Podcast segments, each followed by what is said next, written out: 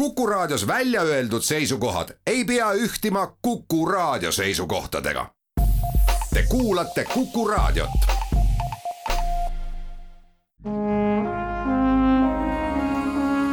Vanemuise veerand.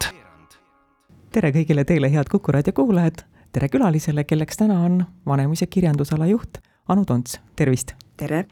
mina olen saatejuht Tiia Rööp. Vanemuine käis hiljaaegu Ameerikas kolmekümne esimesest märtsist kuni kolmanda aprillini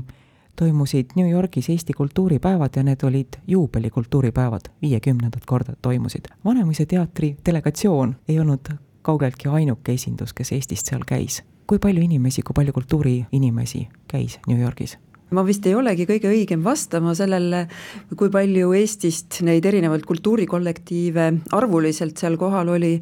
ma arvan, kõige arvukam kollektiiv oli siis eh, kammerkoor Collegium Musicales, aga oli siis hulgaliselt üksikesinejaid, eh, peaasjalikult siis erinevaid muusikuid, kes eh, andsid siis kontserte, küll oli seal Girly Strings ja Nublut oli näha ja Tartu tänava kunstinäitus avati ja igasuguseid selliseid sündmusi oli, aga ega siis sellel, kes ise nagu mingit etendust ette valmistab, ei olegi aega endal nii palju käia neid kultuuriüritusi teisi vaatamas, vaid ta tegeleb sellega, et tema asi seal korralikult aetud saaks. Vanemuine võttis kaasa lavastuse Head tüdrukud lähevad taevasse. miks just nimelt selle lavastuse? Tegelikult vist peaks alustama sellest, et äh, meil oli plaanis minna selle lavastusega Ameerikasse kaks aastat tagasi, aga ma arvan, et see oli kaks nädalat või kolm nädalat enne, kaks, jah, kaks nädalat enne meie väljasõitu, lennupiletid olid ostetud, kõik plaanid olid tehtud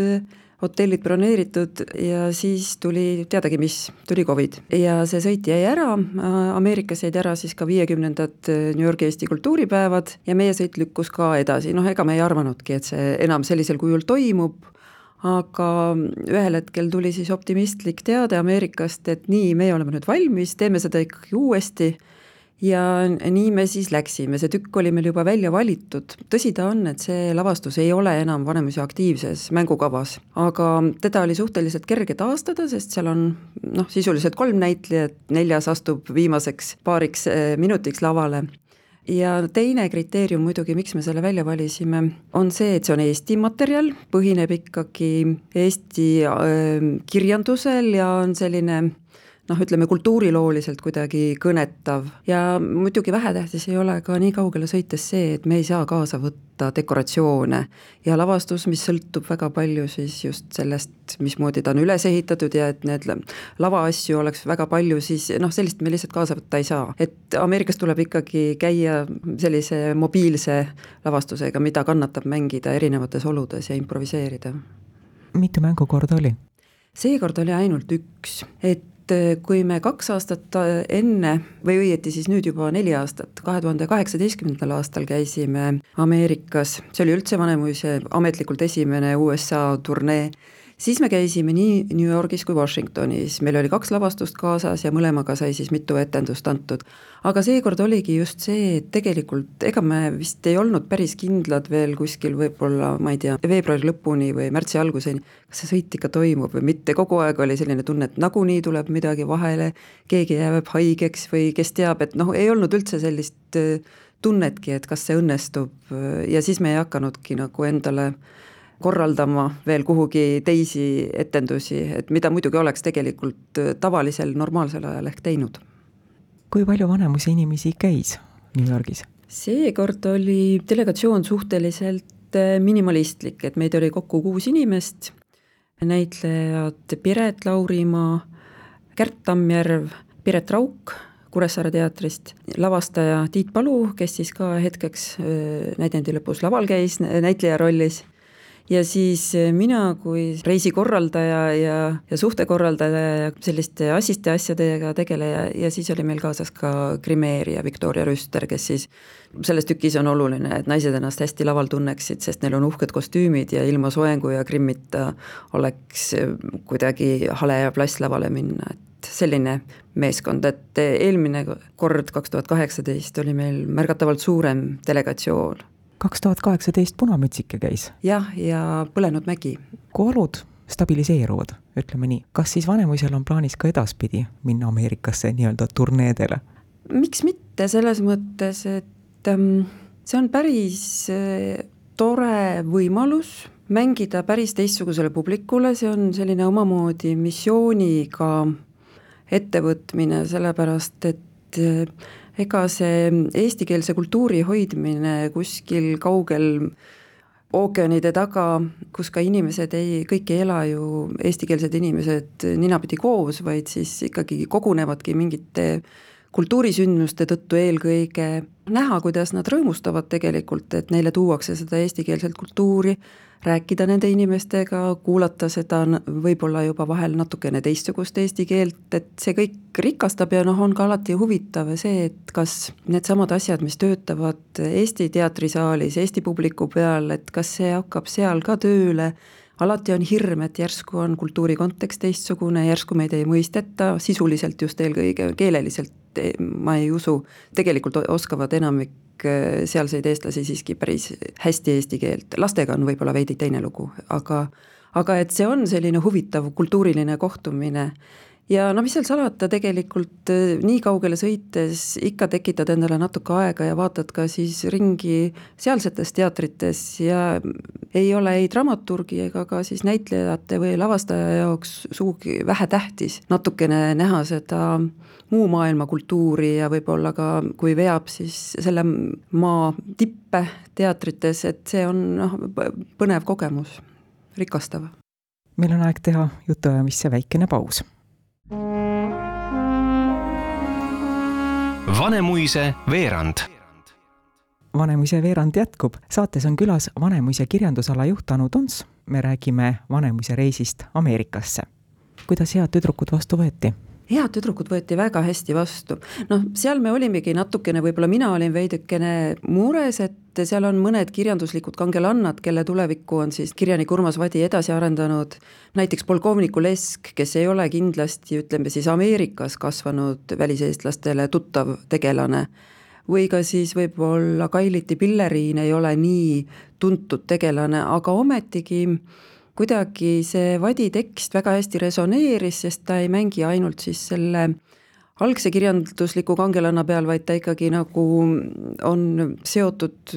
tänapäevaga üsna tugevalt ja kuna seal on omajagu sellist mõnusat huumorit, mille peale publik väga hästi reageeris, siis väga hästi võeti vastu ja tõesti usun, et see oli väga-väga siiras, sest et seda oli saalis tunda kui suur saal oli, kus mängisite? Eesti Majas on see saal selline,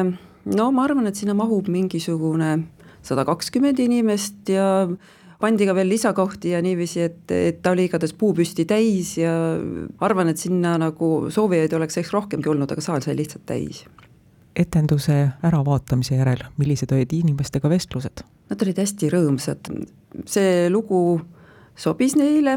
nad olid kuidagi rõõmsad, et oli huumorit ja üldse tegelikult eh, need kultuuripäevade korraldajad ütlesid ka, et see on ju esimene selline üritus pärast Covidit, et ei ole ju neil ka kogunemisi olnud peaaegu kaks aastat, et see oli selline suur kokkusaamise pidu, et kõik need Eesti Maja korrused seal olid täis väga rõõmsaid inimesi ja taaskohtumisi ja seda positiivsust oli kuidagi nii palju, et täitsa siit Eestist tulles oli lausa üllatav, et inimesed on nii avatud ja emotsionaalsed ja rõõmsad või no seda oli väga hea vaadata ja olla seal sees. kas jutt läks ka poliitika peale? selle peale, mis praegu maailmas sünnib, sest vaade Ameerikast on veidi teine kui siin Euroopas, kuigi ka siin Euroopas saadakse asjadest erinevalt aru no ikka natukene tuli ka see jutuks ja no mulle küll tundus, et väliseestlaste seas ei olnud üldse mingit küsimust, sest isegi New Yorgi Eesti kultuuripäevade erinevate päevade käepaelad olid kujundatud siis eh, sinine, kollane ja valge siis tagasihoidlikult seal kõrval, aga et noh, et põhimõtteliselt sinine ja kollane paistsid kohe silma, paljudel olid ka rinnas need Ukraina toetuslindid, meilgi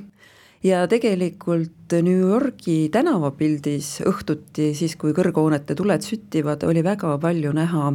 sinise ja kollasega kujundatud kõrghoone katuseid, katuseääri, rõdusid, et tegelikult paistis päris palju silma, isegi Lincolni keskuses ühte lavastust vaatamas käies ühel näitlejal oli rinnas Ukraina värvides lint. Et jäi küll mulje, et seal ollakse täiesti teadlikud ja toetatakse ukrainlasi. mis lavastusi te vaatamas käisite? no siin toimus ka nüüd hargnemisi, et igalühel olid oma erinevad huvid ja mis parasjagu siis välja valiti või mida natukene see Ameerika teatripilt on veel ka Covidist taastumas, et kõige rohkem oli pakkumisi muidugi muusikalidele, aga mina isiklikult hoidsin neist natukene eemale, sest et eelmisel korral, kui ma Ameerikas käisin, siis ma käisin neid vaatamas, ma pean tunnistama, et see on nagu väärt kogemus, sellepärast et ähm, selle järel ma hindan võib-olla siin Eestis tehtavat või Euroopas tehtavat kunsti isegi natukene rohkem, sest et mul ei ole küll sisuliselt või artistidel ei ole ühtegi etteheidet, kes mulle seda muusikali tookord seal Broadway'l esitasid, aga see oli nii hästi selgeks õpitud lugu, et seal ei olnud vist hetkega aega loomingule, sest kõik oli juba selge, seal ei sündinud mitte midagi siin ja praegu, see oli selline ühe hästi treenitud asja taaskordus ja see natuke kurvastas mind, ma pean tunnistama, et pärast seda ma tunnen palju rohkem rõõmu nendest asjadest, mis laval juhtuvad, et see lisab sellist elavat tagasisidet ka minu poolt ja ma tunnen nagu, et, et ma olen ikkagi selle samal hetkel sündiva kunsti tunnistajaks, mis võiks olla teatrikunsti üks selline suur boonus aga vaadatud draamalavastused, kas tuli ka mõnda inspiratsioonihetke, et selle võiks Vanemuise teatrisse tuua? me jah, tegime mingeid valikuid repertuaari vaatama minnes, et, et näeks midagi, mida ei ole näinud, aga tuleb tunnistada, et need valikud, mis me tegime selle mõttega, ei osutunud väga edukateks, et võib-olla sellist, sellist tabamust ei olnud paraku, et, et nüüd see näidend võiks ka Eestis lavale tulla, et kippusid olema natukene sellised kohalikust poliitikast laetud asjad, küll Ameerika klassika, aga et me nägime selliseid asju, mis ütleme, siin Eestis ja ilmselt ka Euroopas ei töötaks sellisel moel. küll aga õnnestus mul lõpuks ära näha paar aastat tagasi Londonis lavale jõudnud ja laineid löönud äh, lavastus Cyrano de Bergerac James McAvoy'ga peaosas, mis siis oligi alustamas just oma äh, New Yorgi etendusi, et jõudsime esietendusele, Ameerika esietendusele, ja see oli päris huvipakkuv, just eelkõige peaosatäitja oli väga veenev ja nagu jättis ikkagi sügava mulje. kes on Ameerikas praegu sellised draamatekstide loojad, näitekirjanikud, keda võiks tulevikus ka Vanemuise lavalaudadel mängida? kaasaegne draamakirjandus on nii meeletult, meeletult suur ja Ameerikas teame me e, rohkem praegu paraku just neid selliseid muusikale, see off-off Broadway, mis, mis mängib siis draamalavastusi on mm, veidike selline nagu perifeersem ja võib-olla selliseid suuri staare mina praegusel hetkel, kes Ameerika kaasaegsest, päris viimase aja näitekirjandusest nüüd äh, ei ole Euroopasse jõudnud ja vajaksid nimetamist, ma isegi ei julge praegu kedagi sellist välja tuua, et eks see mm, lavasid on seal palju, nad on väga väikesed, mis siis lööb läbi ja jõuab järgmisele ja suuremale, suurema auditooriumi ette, seal käib selline järk-järguline nagu edasitrügimine ja mis sealt salata, väga sageli avastavad need näidendid enne meid siis just näiteks ka Inglise näitelavad, kust jällegi siis juba võib-olla meie märkame, et see tänapäeval see näidendite avastamine kirjutatakse tegelikult ikkagi väga palju ja võib-olla kui loed sada näidendit, siis leiad ühe, mis tegelikult ka huvi pakub, et noh, et ega see lihtne ei ole sellest kirjust kompotist leida seda mis meie publikut kõnetaks või oleks teistmoodi või huvitav, et ma jään praegu jah, et ma ei oska sellist ühte nime või isegi nimetada, kes vääriks nüüd siin Eestis avastamist ja keda veel ei ole leitud. eks neid kindlasti on ja tuleb. suur tänu saatesse tulemast, Vanemuise kirjandusala juht Anu Tonts. aitäh kõigile kuulajatele, Vanemuise veerand on taas eetris nädala pärast. Vanemuise veerand